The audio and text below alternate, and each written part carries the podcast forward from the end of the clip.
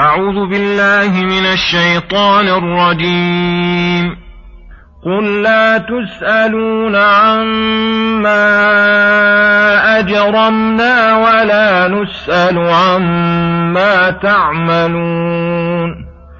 قل يجمع بيننا ربنا ثم يفتح بيننا بالحق وهو الفتاح العليم. قل أروني الذين ألحقتم به شركاء كلا بل هو الله العزيز الحكيم وما أرسلناك إلا كافة للناس بشيرا ونذيرا بشيرا ونذيرا ولكن أكثر الناس لا يعلمون.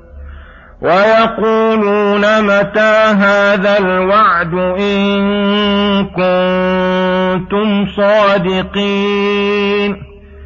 قل لكم ميعاد يوم لا تستأخرون عنه ساعة ولا تستقدمون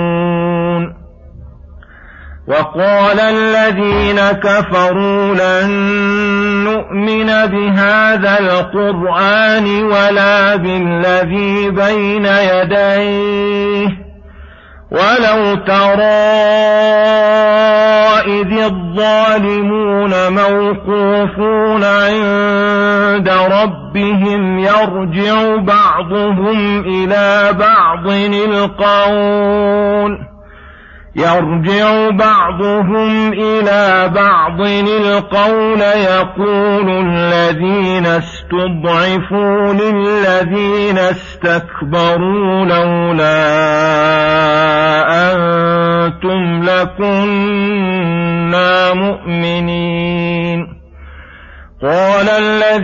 استكبروا للذين استضعفوا أنحن صددناكم عن الهدى بعد إذ جاءكم بل كنتم مجرمين وقال الذين استضعفوا للذين استكبروا بل مكر الليل والنهار بل مكر الليل والنهار إذ تأمروننا أن نكفر بالله ونجعل له أندادا وأسروا الندامة لما رأوا العذاب وجعلنا الأغلال في أعناق الذين كفروا.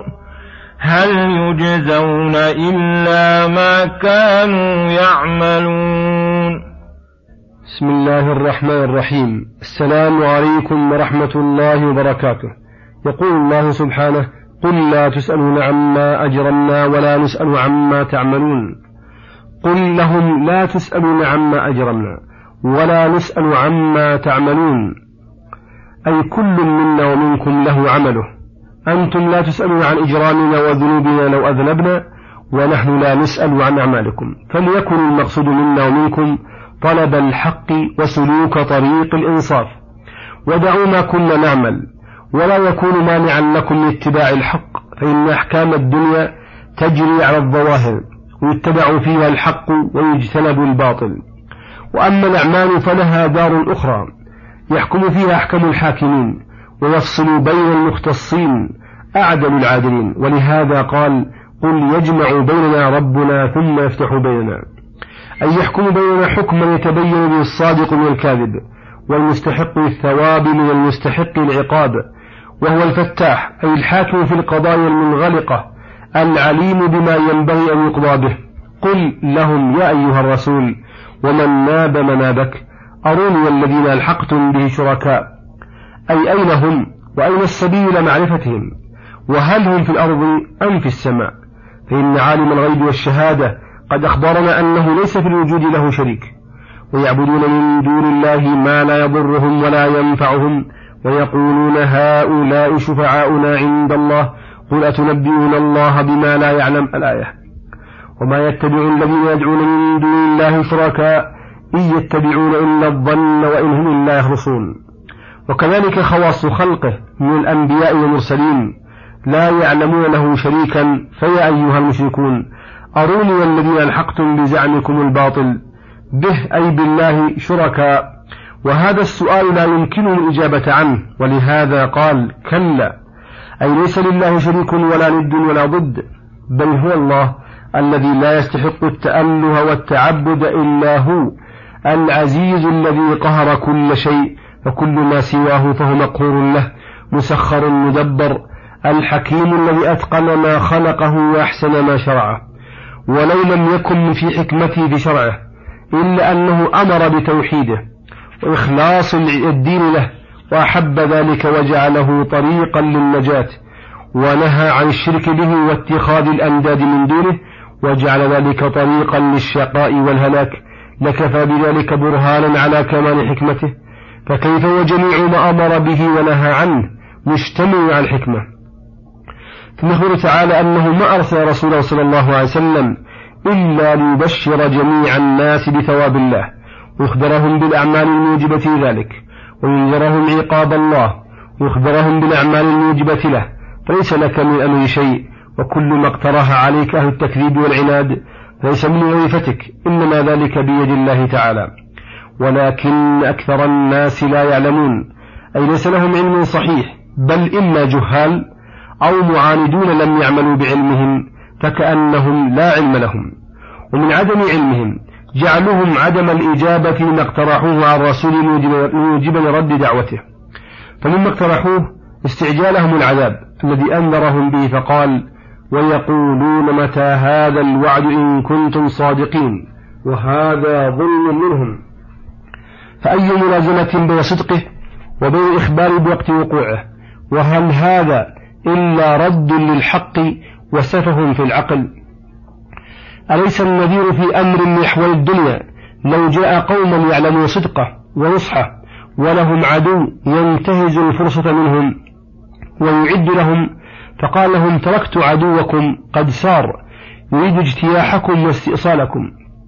فلو قال بعضهم إن كنت صادقا فأخبرنا بأية ساعة يصل إلينا وأين مكانه الآن؟ فهل يعد هذا القائل عاقلا أم يحكم بسفهه وجنونه هذا المخبر يمكن صدقه وكذبه والعدو قد يبدو له غيرهم وقد تنحل عزيمته وهم قد يكون بهم منعة يدافعون به عن أنفسهم. فكيف بمن كذب أصدق الخلق المعصوم في خبره؟ الذي لا ينطق عن الهوى بالعذاب اليقين الذي لا مدفع له ولا ناصر منه. أي رد خبر بحجة عدم بيان وقت وقوعه من أسفه السفه؟ قل لهم مخبرا بوقت وقوعه الذي لا شك فيه لكم ميعاد يوم لا تستأخرون عنه ساعة ولا تستقدمون. فاحذروا ذلك اليوم وأعدوا له عدته. ثم لما ذكر تعالى أن ميعاد المستعجلين بالعذاب لا بد من وقوعه عند حلول أجله ذكر هنا حالهم في ذلك اليوم وأنك لو رأيت حالهم إذ, وقف إذ وقفوا عند ربهم واجتمع الرؤساء والأتباع في الكفر والضلال لرأيت أمرا عظيما وهولا جسيما. ورأيت كيف يتراجعون ويرجع بعضهم إلى بعض القول. يقول الذين استضعفوا وهم الأتباع للذين استكبروا وهم القادة لولا أنتم لكنا مؤمنين. ولكنكم حلتم بيننا وبين الإيمان وزينتم لنا الكفران فتبعناكم على ذلك. ومقصودهم بذلك أن يكون العذاب على الرؤساء دونهم. وقال الذين استكبروا للذين استضعفوا مستفهمين لهم ومخبرين أن الجميع مشتركون في الجرم. أنحن صددناكم عن الهدى بعد إذ جاءكم أي بقوتنا وقهرنا إياكم بل كنتم مجرمين أي مختارين الإجرام لستم مقهورين عليه وإن كنا قد زينا لكم فما كان لنا عليكم من سلطان. وقال ليستضعفون يستكبروا بل مكر الليل والنهار إذ تأمروننا أن نكفر بالله ونجعل له أندادا. أي بل الذي دهانا منكم ووصل إلينا من إضلالكم ما دبرتموه من المكر في الليل والنهار إذ تحسنون لنا الكفر وتدعوننا إليه وتقولون إنه الحق وتقدحون في الحق وتهجنونه وتزعمون أنه الباطل. فما زال مكركم بنا. فما زال مكركم بنا. وكيدكم إيانا حتى أغويتمونا وفتنتمونا. فلم تفد تلك المراجعة بيننا بينهم شيئا إلا براءة بعضهم من بعض. والندامة العظيمة ولهذا قال وأسروا الندامة لما رأوا العذاب. أي زال عنهم ذلك الاحتجاج.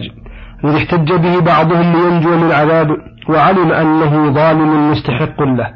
فندم كل منهم غاية الندم وتمنى أن لو كان على الحق وأنه ترك الباطل الذي أوصله إلى هذا العذاب سرا في أنفسهم لخوف من فضيحة في إقرارهم على أنفسهم وفي بعض مواقف القيامة وعند دخولهم النار يظهرون ذلك الندم جهرا.